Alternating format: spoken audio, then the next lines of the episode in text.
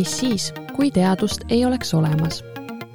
mis siis, kui teadlased ei tegeleks teemadega, millega nad tegelevad?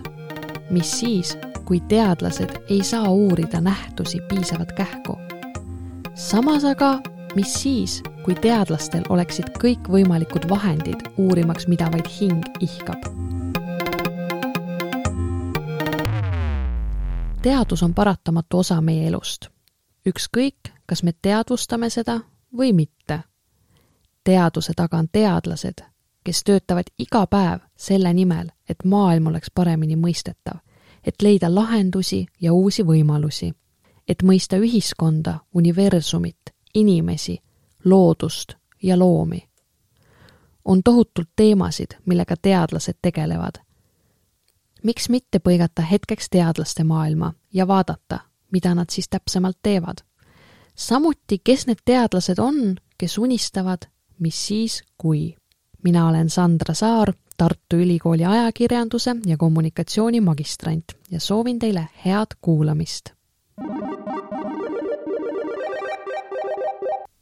tänases saates on külas ajaloodoktorant Liisa Lail, kes oma doktoritöös uurib erihoolekannet ENSV-s. tere, Liisa!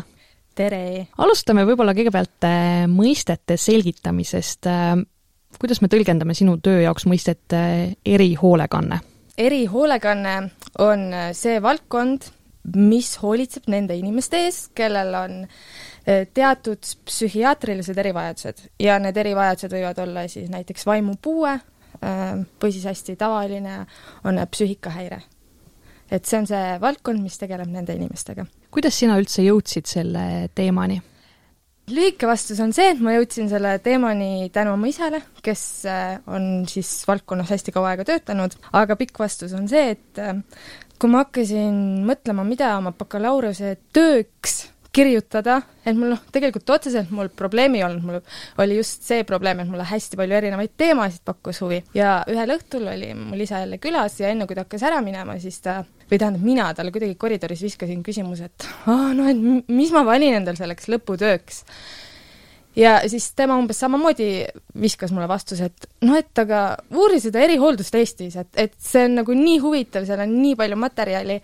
aga, aga mitte keegi selle teemaga ei tegele ja viimati tegeles sellega äh, psühhiaater Jüri Saarma ja kirjutas siis tuhat üheksasada seitsekümmend seitse äh, Eesti psühhiaatria ajaloost äh, siis niisuguse väikse, umbes natukese alla kahesaja leheküljelise kokkuvõtte. ja siis oligi kuidagi hästi suur ahaa hetk minu jaoks, et aga muidugi, noh, et kõik pusletükid kuidagi sellel samusel hetkel langesid nagu õigesse kohta ja peale selle, et ma siis oma bakatöö teema olin ära otsustanud, siis ma juba teadsin, et ja sellest ma teen magistritöö ja, ja siis ma hakkan doktorantuuris veel edasi uurima, et noh, see oli kuidagi niisugune hästi juhuslik, aga samas tegelikult paljude erinevate asjade kokkulangevus kas sa teadsid juba bakalaureuseõppes, et sa soovid ühel hetkel doktorantuuris jätkata? No ma tegelikult äh, teadsin enne juba, kui ma bakalaureusesse läksin, et ma tahaksin doktorantuuris jätkata. kust sa said selle teadmise, et sa seda, seda teed just tahad minna? see on äh, hea küsimus. ma arvan, et äh, ma tulen võib-olla sellisest perest, kus vanemad hästi palju väärtustavad haridust ja õppimist ja kuidagi see teadmiste janu on mulle külge jäänud, et enne, kui ma õppisin ajalugu, ma õppisin ka riigiteadust ja natuke prantsuse keelt, et et kogu aeg on olnud mingisugune pidev vaja, vajadus õppida ja see, et sa siis oled, ja minu jaoks oli ka see teadmine, et kui ma doktorantuuri lähen või ka doktorantuuri lõpetan, siis põhimõtteliselt sa saad elu lõpuni kogu aeg uusi asju uurida ja eriti tore muidugi, või noh, et sa saad seda siis teha, kui see on ka kellelegi teisele kasulik peale selle, et sellest sinule lihtsalt huvitav on, aga et mul oli see kuskilt see teadmine tekkinud, et see on üks moodus, kuidas niisugune sisemine rahulolu ja, ja see vajadus uute teadmiste järgi äh, rahuldada. miks on erihoolekanne üldse oluline teema uurimistöö mõttes? mulle meeldib selline väljend või mõte, et see, kuidas ühiskond hoolitseb oma kõige nõrgemate liikmete eest, et see räägib meile sellest ühiskonnast hästi palju ja, ja psüühiliste erivajadustega inimesed, täpselt ma ei tea, nagu lapsedki või, või mingisuguste muude füüsiliste puuetega inimesed, on paratamatult ühiskonna nõrgemad liikmed ja kui me neid uurime või nende ajalugu uurime, siis me saame vastuseid või vähemalt saame rohkem teadmisi selle kohta, milline see ühiskond võiks olla. et see on niisugune üldisem põhjendus, aga võib-olla praktiline põhjus, miks seda teemat uurida, on see, et kogemused. Et kui meil on mingis valdkonnas olemas teadmised ja kogemused sellest, kuidas näiteks mingisuguseid protsesse, et hetkel ma uurin siis seda deinstitutsionaliseerimist, et kas see varasemalt oli, kas see toimus ja kuidas see õnnestus, et kui me saame äh, nendele kogemustele toetada, siis me saame oma tulevikku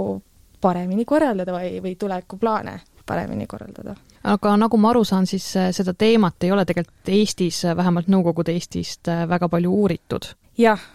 seda ei ole ja minu arust ongi see nii kummaline, no tegelikult see ei ole kummaline, see on loogiline, et kui sul on ikkagi üsna noor riik, nagu Eesti on, et siis osad teemad paratamatult on jäänud tahaplaanile aga samas minu arust sotsiaalvaldkond, sealhulgas siis see erihoolekanne, need on nii suured ja olulised teemad, mis puudutavad varem või hiljem äh, igat inimest, kas siis otseselt või, või mõne äh, lähedase kaudu. ja, ja selles valdkonnas ehitada mingisuguseid seinu üles, ilma et sa teaksid, mis see vundament on, äh, see on natuke riskantne. et selline katse-eksitusmeetod minu arust ei sobi inimese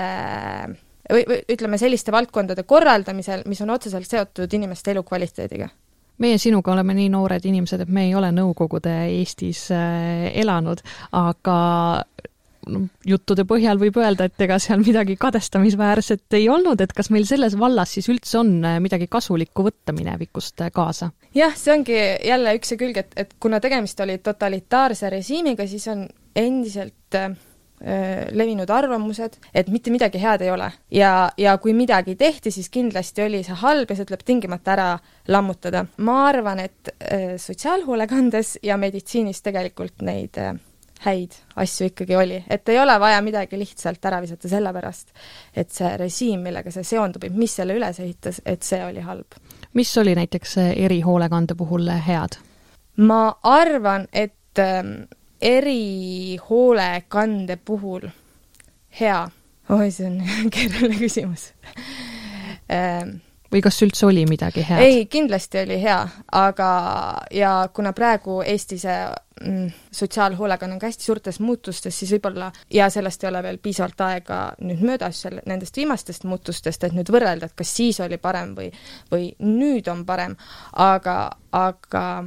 sotsiaalhoolekandes ja hoolekandes, selles suhtes see oli hea, et hoolekanne oli ikkagi tasuta. jah, selle all võis see kvaliteet kannatada, tõenäoliselt täna, ütleme siis turumajanduslikus ühiskonnas on teatud inimeste mm, selline elukvaliteet oluliselt parem, kui see oleks olnud siis nelikümmend, viiskümmend aastat tagasi, sest et ta ise eh, maksab selle kinni. aga, aga toona ikkagi selline minimaalne hoolekanne kõigile äh, tasuta tagati, mis ei tähenda seda, et Eesti riigis seda ka praegu ei ole. aga, aga ma arvan, et vähemalt minu arvamus on, et, et, et sotsiaalhoolekanne on selline valdkond, kus ei peaks kehtima turumajandusreeglid. aga paraku meil hetkel nii on? jah, paraku hetkel sinnapoole ta läheb aga kui me räägime veel siis sellest perioodist, mida sina enda doktoritöös mm -hmm. uurid, siis kuidas üldse oli Nõukogude Eestis erihoolekanne lahendatud peale selle, et see oli tasuta? ma võib-olla alustan varasemast perioodist siis, ütleme omariiklusperioodil omariiklusperioodil oli see hoolekanne üsna taoline, nagu ta praegu on. et ehm, või no tegelikult praegu ta ei ole päris taoline, aga võib-olla praegu tahetakse sinnapoole liikuda, et suur osa inimesi elavad siis kogukonnas, kas näiteks pere juures või mõne asenduspere juures või siis ma ei tea, näiteks ühiselamu taolistes hoonetes, aga üldises üldiselt nad võiksid oma eluga öö, saada ise hakkama ja ei vajaks nii-öelda kakskümmend neli seitse järelevalvet. nüüd kahekümnendate, kolmekümnendate Eestis umbes niimoodi oligi, aga, aga ma arvan, et, et see põhjus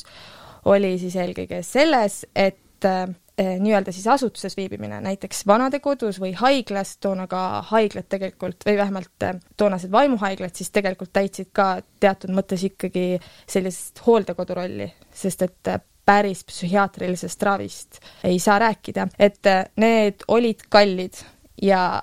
ja seal oli võimalik elada siis neil, kelle lähedastel oli võimalik neid seal siis hoida või siis tõesti need, kelle äh, diagnoos oli selline, et riik oli sunnitud paigutama mingisugustesse asutustesse. ja nüüd äh, kahekümnendate, kolmekümnendate jooksul, kui riik sai siis natuke rikkamaks ja oma riiklus arenes, siis nende inimeste arv keda riik toetas, et nad viibivad nendes asutustes, see kasvas, aga endiselt ikkagi suur osa inimesi elas kas perede juures või elas siis, ma ei tea, kuskil mõne muu pere juures ja siis sellele perele näiteks riigi poolt võib-olla pakuti natukese mingisugust toetust. aga see suund oli selles suunas, et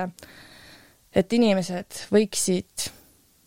liikuda institutsioonidesse Äh, kas siis haiglatesse, vanadekodudesse või näiteks ka varjupaigad, et noh, sellise nimetuse erinev, kuigi psühhiaatriad ise, psühhiaatrid ise toona arvasid, et, et ikkagi võiks mitte sellist liikumist toimuda, et, et see idee, ideaal oleks ikkagi see, et juba need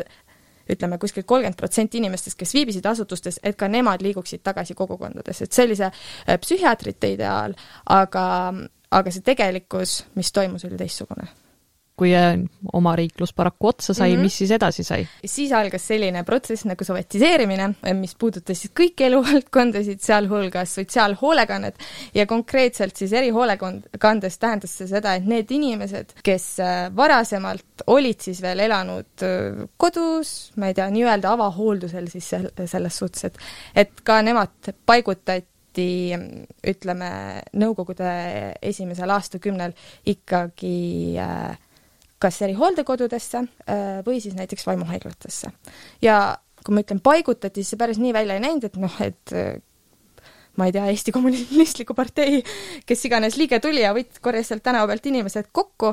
aga, aga see oli niisugune äh, protsess, mis ma arvan, et sai võimalikuks just seetõttu, et ka need inimesed, kes kodus näiteks hooldasid, sul oli kodus skisofreenia diagnoosiga poeg, et nüüd sul oli võimalik ta panna mingisugusesse asutusse ja sa ei teinud seda tõenäoliselt sa ei teinud seda ju mingisugusest kurjast tahtest, vaid et äh, arusaam, et võimalik, et seal on tal turvalisem ja seal hooli-, osatakse tema eest paremini hoolitseda. pluss siis seal oli ka see põhjus, et Nõukogude Liidu ideoloogia nägi ette, et kõik äh, inimesed peaksid töötama või noh, kõik töövõimelised inimesed peaksid töötama ja see tähendas seda, et, et kui sa oled töövõimeline, siis sind ei saa nii-öelda raisata selle peale, et sa kodus hooldad mingisuguse diagnoosiga inimest. et seal oli palju erinevaid põhjusi, miks see, see institutsionaliseerimine just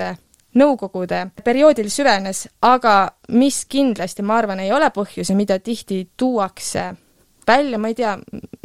kas ma saan öelda, et tuh-, tihti tuuakse välja, aga mul on jäänud mulje, et on selline eelarvamus, et eh, Nõukogude Liit eh, paigutas inimesed asutustesse, kinnistesse asutustesse selleks, et nad saaks silma alt ära. ma sellega ei taha üldse nõustuda, et need asutused olid needsamused asutused, mis olid tegelikult olemas juba omariiklusperioodil, jah, enamasti need asusid kuskil linnavälises asulas, võib-olla isegi mõnes väikses külas või keset metsa kuskil järve ääres, aga põhjus oli see, et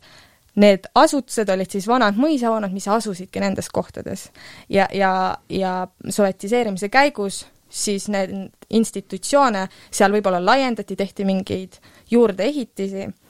aga ma arvan, et see põhjus jah, ei olnud selles, et tulge nüüd peidame teid metsa ära. et see oli juba enne nii, lihtsalt nüüd see,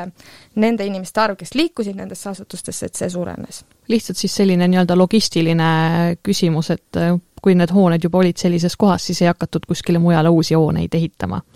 Täpselt, et äh, see oli ka põhjus, miks äh, omariiklusperioodil, et pärast siis maareformi need mõisad olid riigil olemas ja need anti tihti, kas riik ise rajas sinna need hooldekodud või kogu aeg kasutan nime hooldekodud, tegelikult toona oli hästi tavapärane nimi oli vanadekodud, kas riik ise rajas sinna vanadekodu või siis andis hoone näiteks kohalikule omavalitsusele, kelle ülesanne oli siis see hoone üles vuntsida ja, ja teha sobilikuks selleks, et inimesed, kellel on natukese võib-olla raskem parasjagu, et, et nemad saaksid siis seal elada sa ikkagi uurid juba päris ammust aega, kuidas üldse andmeid leida selle aja kohta? tegelikult see vabariigi perioodi uurimine jääb mul rohkem kuskil kolm-neli aastat tagasi. aga andmete leidmine selles suhtes on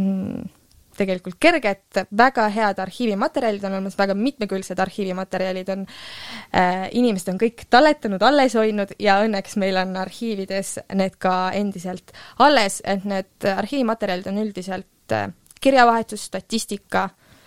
ma ei tea, majandusaasta aruanded äh,, lisaks siis sellist olme poole pealt, toonane ajakirjandus, tegelikult päris palju kirjutas, on ka pilte ja mul on hirmus palju vedanud, et äh, ma omariikluse lõpuaastatel ühes siis nii-öelda laste mm, äh, kodus, ta on, ta oli mõeldud siis psüühiliste erivajadustega lastele, ühes sellises kodus töötanud äh, naist äh, sain intervjueerida. et jah, intervjuul ei saa põhineda minu töö, aga ta nagu uurija jaoks on selline hästi südame lähedane tegevus ja kindlasti illustreerib seda perioodi. et jah, see kahjuks muidugi oli ka ainult, et kolmkümmend kaheksa kuni nelikümmend oli see periood ja siis ta oli ka veel plika. aga see vist annab päris hea konteksti kätte, et milline see elu oli siis tol ajal? jaa, see, see, ma siiamaani, ma ei tea, korra nädalas ma vähemalt mõtlen temale ja, ja sellele kõigele, mis ta mulle rääkis. mõned asjad muidugi ei saa alati tõe pähe võtta, sest et nagu ma juba ütlesin, et inimeste mälestused, ka enda omad, on subjektiivsed ja eriti, kui sellest on äh, nii kaua aega möödas. aga teatud asjad, mis ütleme siis ma tolleks hetkeks juba ise, mida allikad mulle olid rääkinud, et, et äh, tore oli kuulda, et see, mis allikates kirjas on, on ka selle inimese mälestuses tegelikult alles, et järelikult see allikas nagu mulle päris otseselt ei valeta. mis olid võib-olla kõige huvitavamad mälestused, mis välja tulid? Kõige huvitavamad mälestused olid tegelikult need, mis ei äh, puudutanud otseselt siis seda hoolekannet, vaid olid selle naise enda sellise tolle perioodi kogemustega seotud. Ähm, aga see, mis võib-olla puudutas hoolekannet ja laste, just seda laste hoolekannet, oli see, et äh, kuidas näiteks nad neid lapsi hindasid, ütleme, kuidas nad laste vaimset tervist siis hindasid. et näiteks, kui laps neile asutusse sattus ja nad tahtsid teada, et noh, umbes milline see tema äh, seis on, siis näiteks lastele näidati pilti, näidati kahest naisest näiteks pilti ja küsiti lapse käest, et kumb on ilusam. et see oli väga huvitav ja ta ütles, et see, kuidas ta ise seda rääkis, oli ka, et noh, et mis lollustega me tegelesime umbes, et noh, et kes niimoodi midagi hindab, aga aga see oli niisugune üks moodus, et oli tõenäoliselt mingisugune levinud arusaam, et see, kuidas üks inimene võib-olla välja näeb, on siis rohkem aktsepteeritavam või on siis äh, esteetilisem kui see teine inimene. Ähm, et sellised asjad olid nagu huvitavad. aga jällegi see, selle kohta ma tegelikult otseselt äh, arhiiviallikatest ei ole kinnitust leidnud, et ma tean, et natukese naljakaid meetmeid kasutati, et näidati jällegi mingisugust pilti, et mida need siin inimesed siis teevad ja et kui see jutt, mida vastatakse, on enam-vähem loogiline, näiteks et meie istume siin ja keegi vaatab meid eemalt ja ütleb, et siin on kaks inimest, kes räägivad omavahel juttu, et siis see on nagu normaalne, aga, aga kui äh, ütleme, keegi vaatab eemalt ja ütleb, et need kaks inimest lendavad, et siis sa selle põhjal saad öelda, et see inimene võib-olla päris hästi ei taju seda hetkeolukorda. ehk siis elavat, elav fantaasia selles kontekstis ei tulnud ilmselt väga palju kasuks? jah, see ei tulnud ilmselgelt, laste puhul on elav fantaasia, ei näita tingimata seda, et tal on mingisugune ütleme, kas vaimne mahajäämus või siis mingisugune ma ei tea, meeleoluhäire või, või, või psühhootiline häire, et lapse puhul see võib olla ka tavaline, et ta arvab, et me siin näiteks lendame. aga no kasutati neid meetmeid, mis äh, tõenäoliselt siis oli võimalik äh, saada, et siin tuleb ka eristada seda, et üks asi on see, et äh, hoolekande puhul toona olid haiglad ja teised olid siis need nii-öelda varjupaigad. ja haiglates ikkagi töötasid arstis, aga, aga varjupaikades, kaasa arvatud selles samuses asutuses, kus tema töötas, siis oli juhataja ja, ja siis oli kaks seitsmeteistaastast eh, tüdrukut, kes eh, suvel siis kooli kõrvalt alguses läksid sinna tööle, et noh, see ei ole päris sama asi, kui haiglas kedagi hinnatakse aga lisaks erihoolekandeteenusele sa uurid ka seda, et kuidas üldse ravimid Eestisse jõudsid räägi sellest ka natuke lähemalt. kuna mulle endale hakkas huvi pakkuma või mitte huvi pakkuma, aga see tundus niisugune loogiline jätk olevat, et läänemaailmas hakkas viiekümnendatel levima selline protsess nagu deinstitutsionaliseerimine, mis tähendab seda, et need inimesed, kes siis olid seal asutustes, eh, liikusid asutustest välja ja selle üks peamine põhjus arvatakse, mis, mis arvatakse, et noh, et on uuritud ja peamine põhjus siiski oli see, et psühhiaatriline ravi arenes ja, ja see tähendab seda, et kasutusele võeti antipsühhootikumid. ja tuhande üheksasaja viiekümnendal aastal siis sünteesiti selline aine nagu kloropromasiin, mille siis äh, antipsühhootiline efekt või antipsühhootilisi e-, efekte tutvustati viiskümmend kaks. ja, ja kui selgus, et, et tegemist on antipsühhootikumiga, siis Lääne-Euroopas, aga ka Ameerika Ühendriikides võimaldas pakkuda inimestele sellist ravi, et nad ei pea institutsioonis sees viibima. ja mina siis mõtlesin, et noh, okei okay,, et Eesti oli küll Nõukogude Liidus, aga, aga kas see tähendab, et äh, meile need ravimid ei jõudnud, noh, ma teadsin, et nad jõudsid, küsimus oli selles, et kuna nad jõudsid. ja need ravimid jõudsid siis äh, viiskümmend neli ja viiskümmend kuus vähemalt mõni patsient kõikides toonastes haiglates, mis olid siis Tartus, Tallinnas, Tarvastus, Jämejalal ja Pilgusel, äh, oli saanud seda ravimit. selle ravimi tarvitamine muidugi ei olnud selline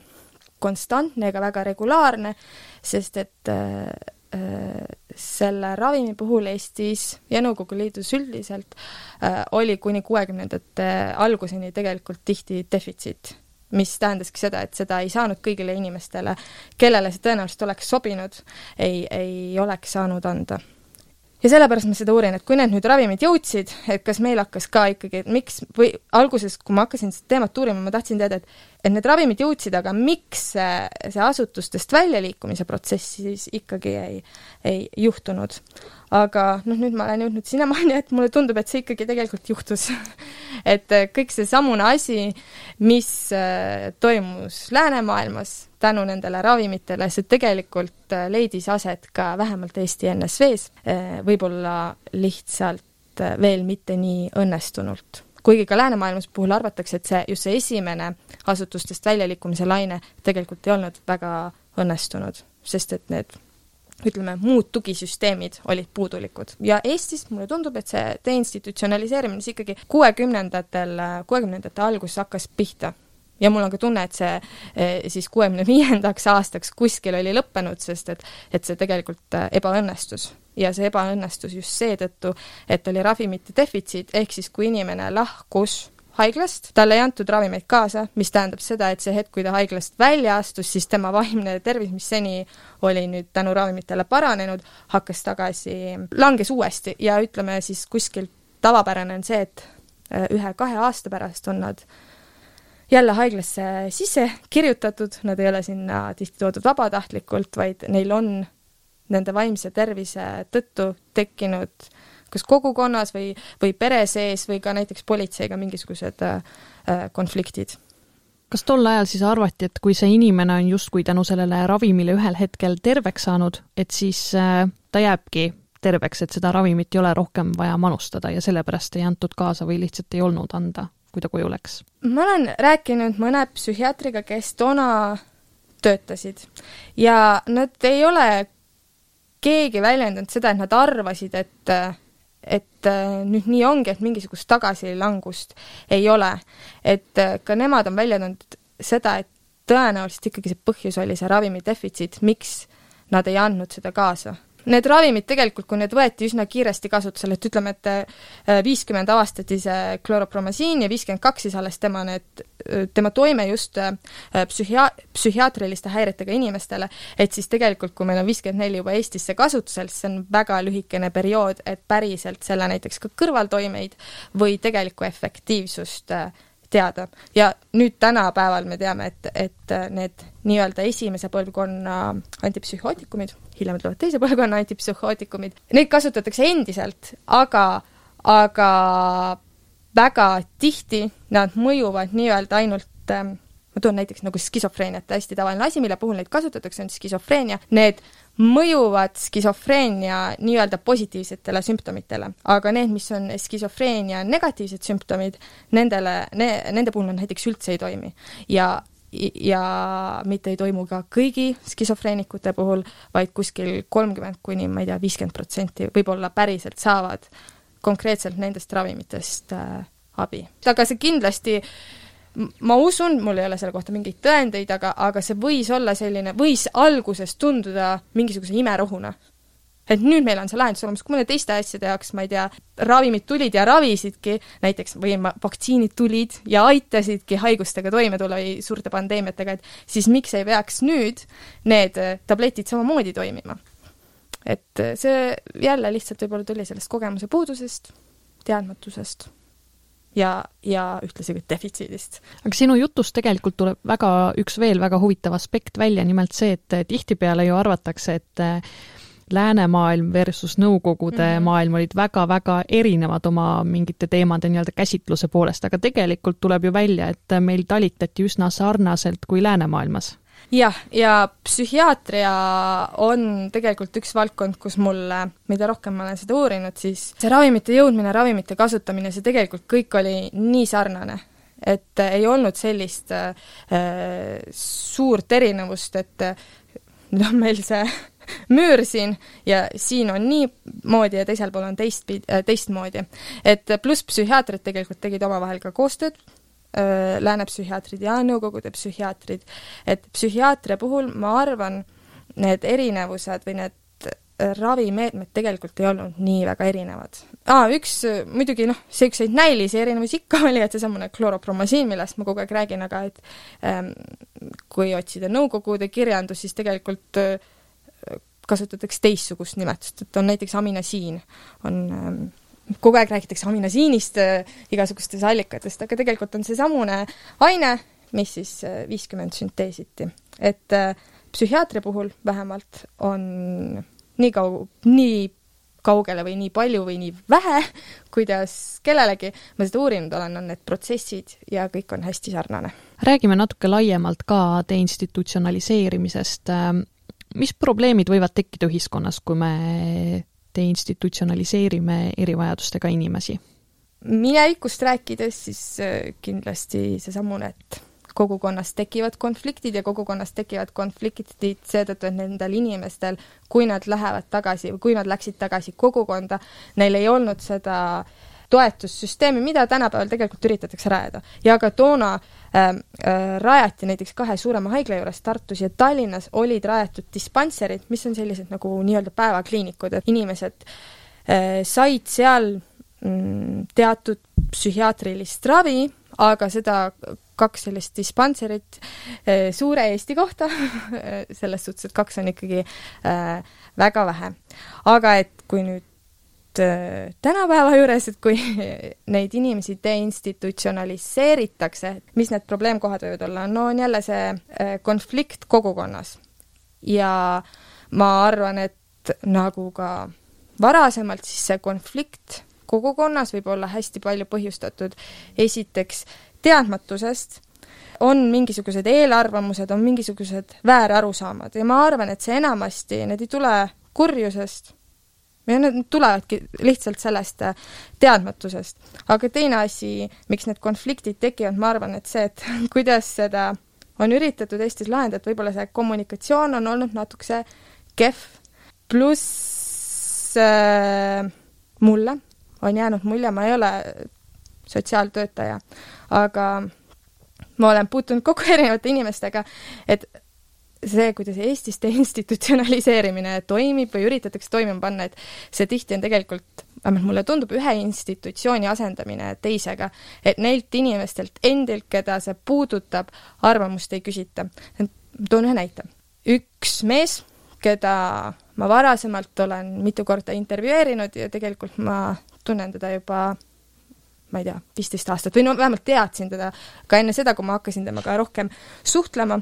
kuuekümne üheksandal aastal ta lõpetas arstiteaduskonna ja ta suunati tööle ühte suurde erihooldekodusse.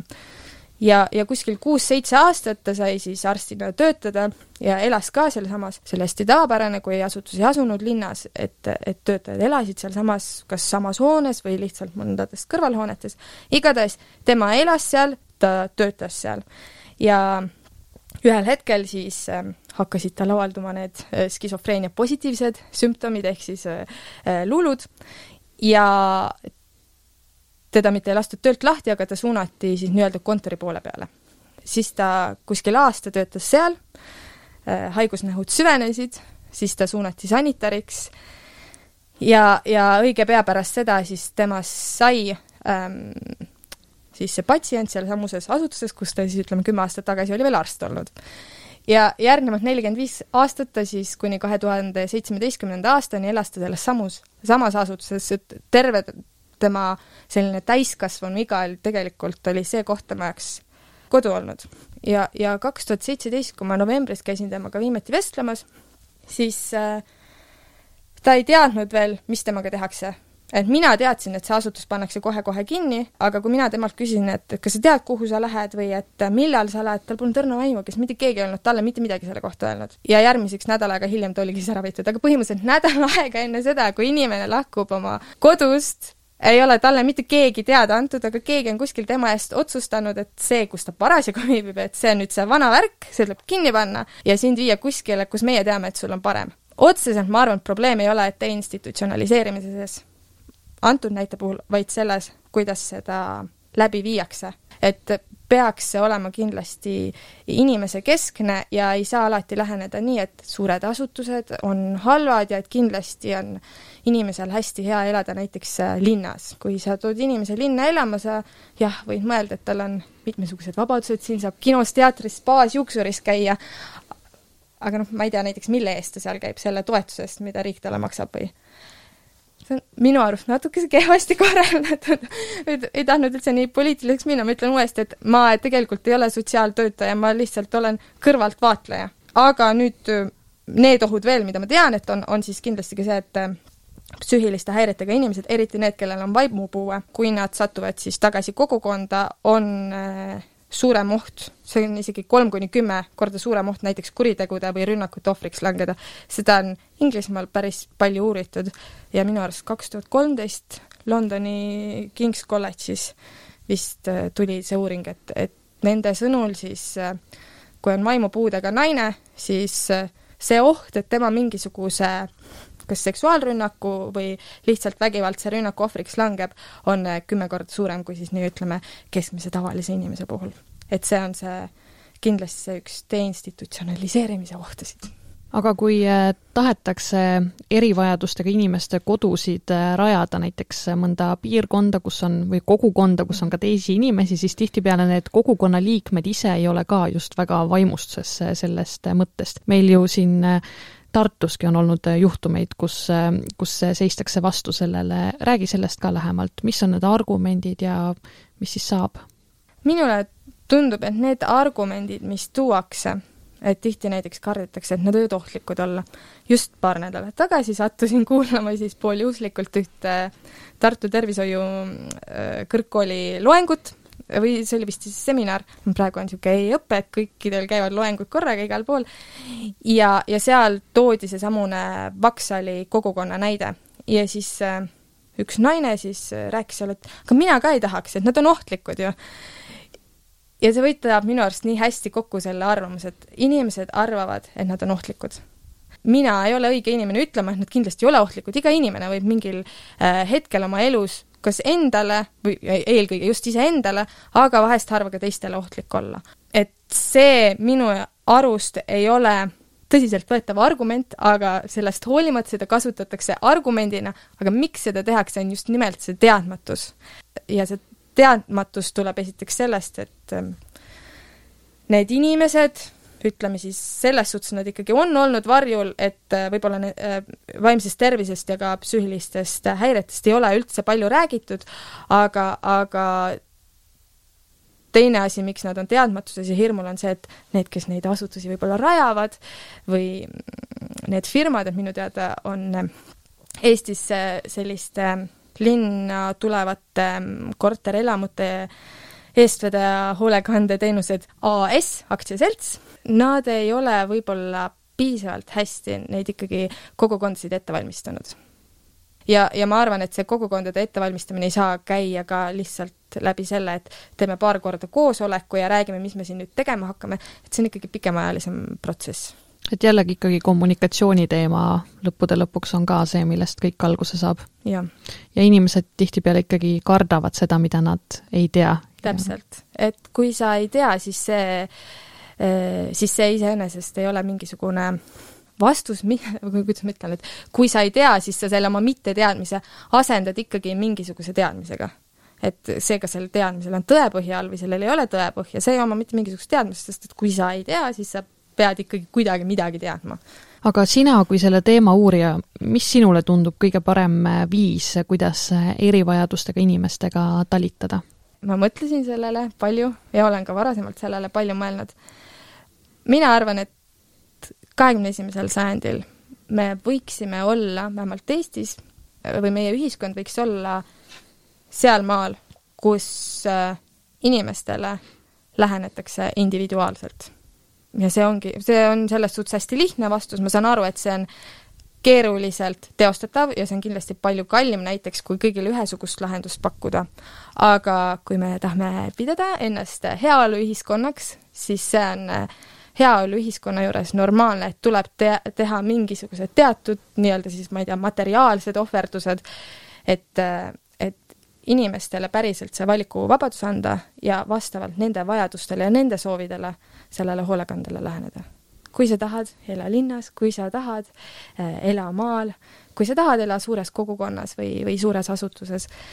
me oleme piisavalt väike, et me saame tegelikult iga inim-, iga inimest äh, väärtustada. Aga Eestis see ilmselt tähendab üsna palju selle praeguse poliitika muutmist? jah ma ei taha üldse sellest poliitikast nii väga rääkida, et äh, ma tunnen kuidagi hästi ennast ebakindlalt, kui ma räägin sotsiaalpoliitikast, sest et jällegi, et ma olen nagu see kõrvaltvaatleja. aga mulle tundub, et ähm, see sotsiaalpoliitika, just see, mis puud-, puudutab siis erihoole, erihoolekande valdkonda, saaks olla oluliselt paremini korraldatud aga kuna meie saade nimi on Mis siis kui, siis äh, siia intervjuu lõppu mõned äh, sellised küsimused ka. mis siis, kui sa ei uuriks teemat, millega sa praegu tegeled? siis, kui ma ei uuriks seda teemat, millega ma praegu tegelen, kuigi nüüd, kui ma rääkisin pika selle jutu maha, ma hakkasin mõtlema, mida, mida ma üldse teen aga kui ma seda teemat ei uuriks, eh, siis ma arvan, et ma oleks ikkagi kuskil sotsiaalajaloo valdkonnas ja just sellistes võib-olla ühiskonna probleemkohtade juures. et eh, ma ei tea, meelemürgid, eh, alkohol, jah, ma arvan, et need oleksid need valdkonnad, millega ma tegeleksin ja ma olen üsna kindel, et ma ühel hetkel sinna ka eh, jõuan. kui nüüd see uurijana tegutsemine välja jätta, siis tõenäoliselt eh, ma arvan, et ma pühendaksin ennast rohkem õpetamisele. et see on täiega äge, olen viimastel aastatel avastanud, et aga noh, päris nii ka ei saa, et selle uurimise tahaks, et uurimise kõrvale jätaks, et see on nagu hetkel ikkagi esikohal. aga jah, niisugused sotsiaalsed eh, probleemid oleks mingisugune muu sotsiaalne probleem, aga tõenäoliselt see oleks äh, laias laastus ikkagi sotsiaalhoolekande valdkonnas. Mis siis, kui sul oleks piiramatult äh, ressursse, et oma uurimistööd läbi viia? see vist ei ole väga originaalne vastus, aga kõige puudulikum ressurss on aeg. Ja siin on nagu kaks poolt sellel, üks pool on see minu enda ajakasutus, et näiteks kui ma seda andmebaasi teen, pidevalt on vaja endale meelde tuletada, et Liisa, et sorry, kui sa ei uuri ma ei tea, vaimuhaiguse seost perekonnaliikmete arvuga, siis sul ei ole minna vaja seal genis vaadata, et mitu õde-venda sellel inimesel oli, kelle andmeid sa sisestad. aga hirmsasti tahaks. siis kulutaks aega võib-olla mitte nii otstarbekalt, kui seda oleks piiramatult. aga teine, see aega puudutav ressurss oleks just see, et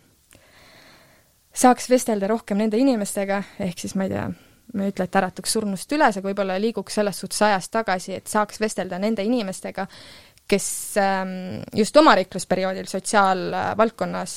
töötasid või, või olid näiteks patsiendid või kellegi lähedane oli. et äh, Nõukogude perioodiga ikka neid inimesi leidub, saan nendega vestelda, aga see omariiklusperiood, see veidi on nagu, veidi nagu kripeldab, kuigi ma otseselt praegu enam selle perioodiga ei tegele ja no siis keel ka, et äh, kui oskaks kõiki maailma keeli või siis äh, uuriks hea meelega ka neid protsesse, kas need lo-, toimusid näiteks teistes äh, Nõukogude Liidu vabariikides. aga noh, õnneks vast igas riigis on omad inimesed, kes varem või hiljem jõuavad ka nende teemade juurde, nii siis me saame koostööd teha. mis siis, kui sa saaksid oma uurimistööga otsast peale alustada? Kui ma saaksin oma uurimustööga otsast peale alustada, siis ma oleksin tõenäoliselt algklasside lapsena kuskil selle kassetimängiga käinud inimesi lindistamas, et rääkige noh, rääkige. aga, aga kuna seda teha ei saa, siis äh, mul tõesti ei ole hetkel sellist nagu kahetsust ega, ega jah, kahetsust või ka tahtmist otsast peale alustada, et mulle tundub, et, et see, kuidas ma hetkel lähenenud olen, kuigi noh, nüüd ma kergitan koera saba, on mulle ja ma loodan, et ka selle valdkonna uurimisse sobituv meetod. et ma, see hetk, kui ma selle avastasin või mul, ütleme nii, et mulle toimetati see teadmine, et nüüd on see valdkond, millega ma hakkan tegelema ja need pusletükid kõik oma koha peale kukkusid, et siis tegelikult mul on peas üsna selge pilt olnud sellest, mida ma tahan teha ja ma olen üritanud sellest lähtuda seda on äh, väga tore kuulda. aitäh sulle, Liisa, täna stuudiosse tulemast ja soovime sulle edu ja doktoriõpingute lõpetamiseks siis ka! aitäh!